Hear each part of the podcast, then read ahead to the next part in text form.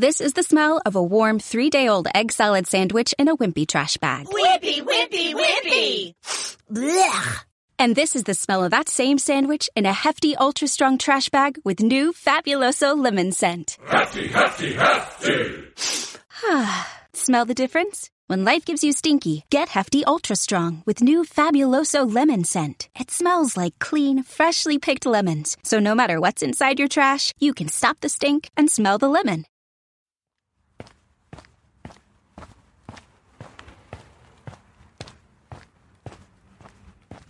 sábado eh, 12 de decembro de 2020 de verdade que non contaba con poder gravar hoxe. E máis, prácticamente casi que nin contaba con poder sair hoxe a camiñar como o estou a facer polo paseo do Burgo porque levamos unha tempada de choivas que non vos podedes imaginar. Para que vos fagades conta o último episodio o que grava, que saiu gravouse en realidade o mércores anterior e dende o seguinte xoves ata agora está a chover prácticamente de seguido. Home, non é que este 24 horas chovendo, pero imposible simplemente plantexarse eh, sacar o micro en condicións normais como en condicións de seguridade, coas condicións de seguridade coas que me gusta gravar, senón prefiro non arriscar a saúde do micro, que é un trebello bastante, bastante caro.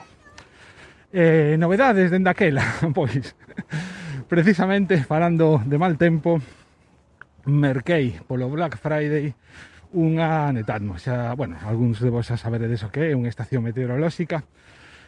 A realidade é que é un destes trebellos que un escoita falar maravillas del, que sempre quere ter, non? Sempre quixen ter unha Netatmo, pero entre que é unha cousa máis ben cara, é un capricho, no meu caso caro, é que prácticamente os datos que me pode proporcionar un Netatmo, as cousas como son, os teño moi dun xeito bastante sinxelo na web no que se refire á temperatura exterior, eh, para o que dentro da casa en teoría a razón de mercar unha cousa destas é poder sistematizar determinados sistemas de calefacción pero que eu nem, non vou poñer en práctica porque ata o de agora realmente cando cando calefactamos a casa? Pois cando a situación require, como que tes frío, pon aí o rodeador.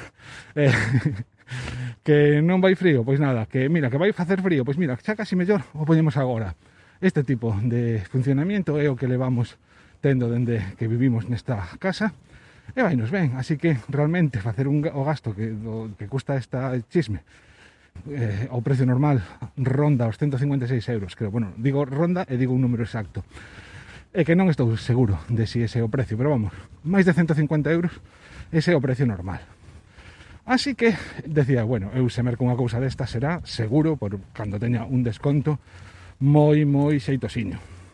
Eh, así, casi en plan tanteo, un día me decir, sabes, Eva, igual polo Black Friday merco este cacharro, en ensiñei E eh, pensaba que me iba a poñer así cara de pero ti estás todo lo rapaz, Pero non, me dixo, bueno, pois pide yo reis Unha cousa así que digo, caramba Así que nada, dixen, pois nada, hai que aproveitar a oportunidade cando chegou o Black Friday, mirei a ver se si realmente estaba, normalmente o poñen, así que mirei en Amazon e as cousas como son. Despois entereime de que fora a, a maior rebaixa que lle teñen feito por un Black Friday, así que E máis, non só merquei a, a estación meteorolóxica normal, senón que tamén collín un módulo a maiores para, ou, para ter monitoreada outra habitación polo precio que me custaría só a estación meteorolóxica.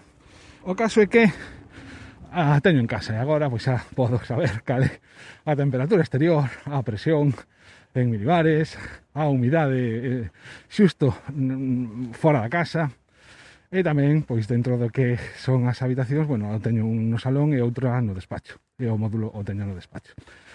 Eh, a diferencia entre un e outro é que o, a estación en sí tamén mide o nivel de ruido, os decibelios, e o módulo interior, pois xa non, ese xa non, o xa o módulo que teño no despacho non proporciona ese tipo de dato.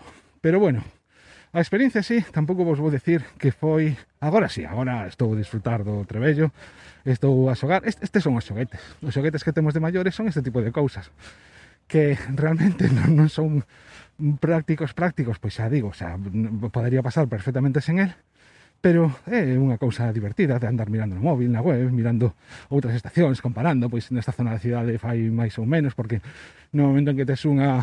Bueno, non sei realmente se si está aberto a calquera persoa, pero entre que te das de alta e ta, patatín e patatán, resulta que hai un, unha chea non de outras persoas que teñen esta estación e comparten datos contigo e, e podes decir, mira, pois nesta parte da cidade fai máis calor ou menos ou descubrín que xusto onde vivo eu máis ou menos sempre hai como un grau menos con respecto ao resto da cidade.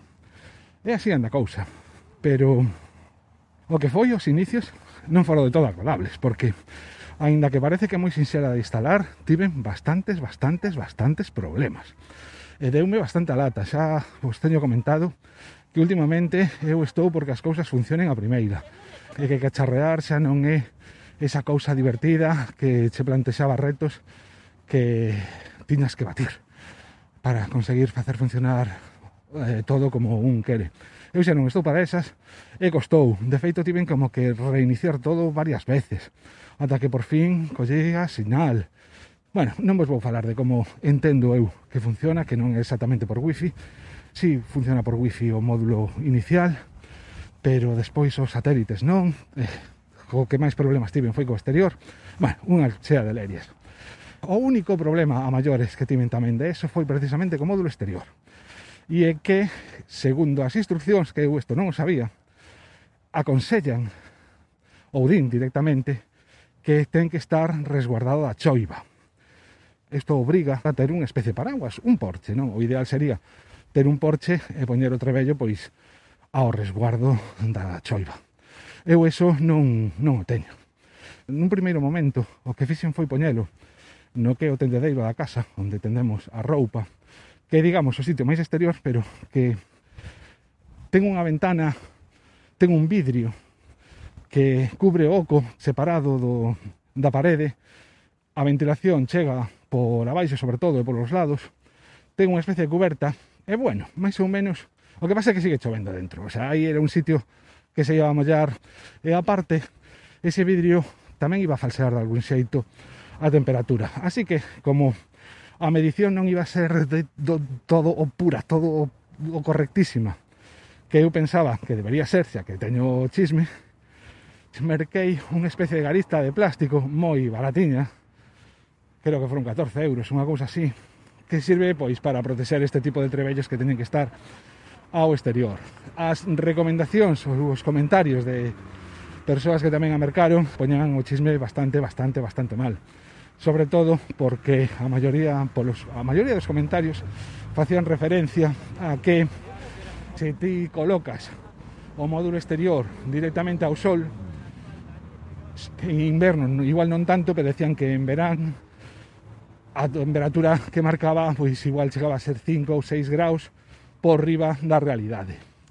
E claro, xa é unha diferencia bastante enorme. No meu caso, a parede, o sea, o sitio onde o teño colocado mm, dá ao norte, nunca lle pega o sol, así que nese sentido non tería problema. Ainda que claro, o feito de telo dentro dun cacharro de plástico, por moita ventilación que teña, igual pois habería que calibrar o aparato. Cousa que fixen. A estación permite que ti sumes ou restes os graus que queras. E aquí, se acaso, o problema era saber exactamente cal era a temperatura que tiña que medir. E para iso, o que fixen foi recurrir a estacións de cercanas. Teño dúas, bastante preto da casa. En realidade, tres. Despois, no, xusto cando estaba a preparar o módulo este exterior, de Cateime, de que o meu veciño, o porta con porta, ten outra. E non só é que teña unha estación como a miña, senón que incluso ten o anemómetro, porque a este, a este cacharro podes mercar un pluviómetro para medir a choiva, claro, e un anemómetro para medir o vento. O meu veciño tiña incluso o anemómetro, cousa que eu non me decatara, porque o ten apoiado na fiestra, cun risco que eu non, que eu non sería capaz de deixar simplemente apoiado no alfeizar da ventá, tanto unha cousa como a outra. A intemperie, chovendo, bueno, en fin, el saberá, sabería porque mm, precisamente do meu veciño falarei vos no kilómetros gratis que gravarei de seguido. Despídome xa por aquí. Con respecto a Netano, contento, ao final contento de tela, eh, estáme a dar ratos de, graciosos de mirar as cousas, de comparar ainda que xa digo, practicidade non é que sexa moito un regalo caro, realmente un regalo caro, igual eu que sei con isto de que agora tamén fago evaluacións sobre soldo Mira, paga pena. Eh, foi un regalo de reis adiantado. Non terei moita cousa dende a casa en esa noite máxica. O que decía, que non sei cando voltarei por aquí, que está a chover moitísimo, que a pinta é de que vai seguir chovendo moitísimo a partir de mañán. Oxe, isto é unha especie de lapsus. E como igual, se non nos vemos ata 2021, que pasedes unhas navidades o máis seguras posibles. Cuidade de vos, cuidade da xente próxima que tedes Recordade que a mellor forma de demostrar cariño polas persoas que queremos é cuidalas. E igual cuidalas significa non pasar determinados días como nos gustaría con elas.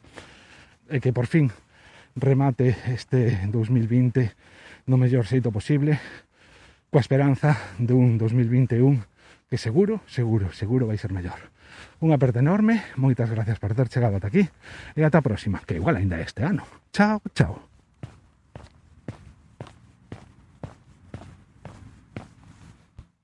This is the smell of the leftover tuna fish sandwich you left in your lunchbox over the weekend in a wimpy trash bag. Wimpy, wimpy, wimpy! Blech! And this is the smell of that same sandwich in a hefty, ultra strong trash bag. Hefty, hefty, hefty. Ah, smell the difference? Hefty Ultra Strong has Arm & Hammer with continuous odor control, so no matter what's inside your trash, hmm, you can stay one step ahead of stinky. And for bigger jobs, try the superior strength of Hefty Large Black Bags.